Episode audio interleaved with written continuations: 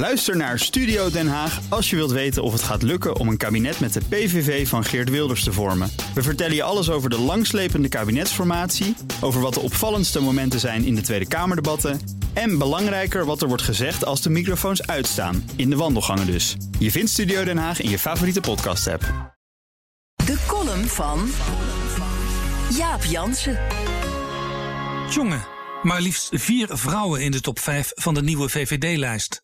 Zo haalde de lijst Rutte deze week het nieuws.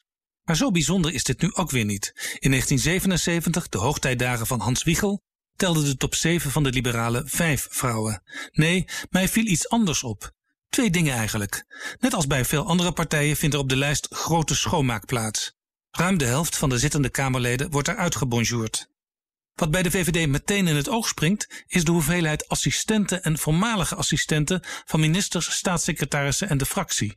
Ik noem ze even snel op, dan wordt het meteen duidelijk. 3. Sophie Hermans. 4. Bente Becker. 6. Bas van het Woud. 7. Mark Harbers. 12. Eelco Heijnen. 16. Tom van Kampen. 20. Ingrid Michon. 21. Peter Valstar. 30. Ruben Brekelmans. 31. Pim van Strien. 34. Daan de Neef. Eén op de drie kandidaten is of was het hulpje van een andere VVD'er. En dan staan er lager op de lijst ook nog een aantal. Nu kun je zeggen, dat is toch handig? Die mensen weten hoe het werkt op het Binnenhof. Ze hebben geen inwerktijd nodig.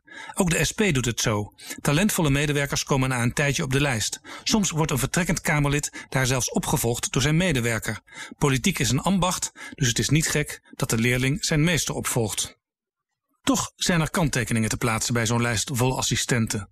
Is er dan nog genoeg ruimte voor lokale en provinciale talenten die op heel andere plekken dan de Haagse vierkante kilometer hun belangrijkste ervaring hebben opgedaan. Die zijn heus wel te vinden, ook al is de recruteringsbasis steeds smaller geworden.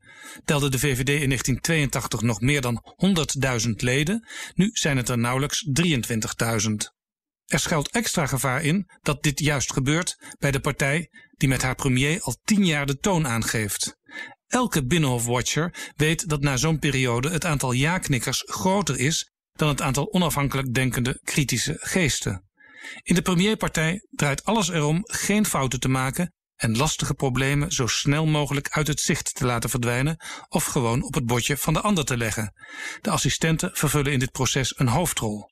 Zoals de Belastingdienst zich in de kindertoeslagaffaire steeds verder in de nesten werkte, juist vanuit de behoefte fouten te vermijden, zo werkt dat ook in de politieke machtsmachine bij uitstek de grootste regeringspartij. Alles marcheert dezelfde kant op. Dat de nieuwe Tweede Kamerfractie straks vol zit met assistenten voorspelt niet veel goeds. Je zou de VVD met deze lijst een periode in de oppositie gunnen om de accu opnieuw op te laden.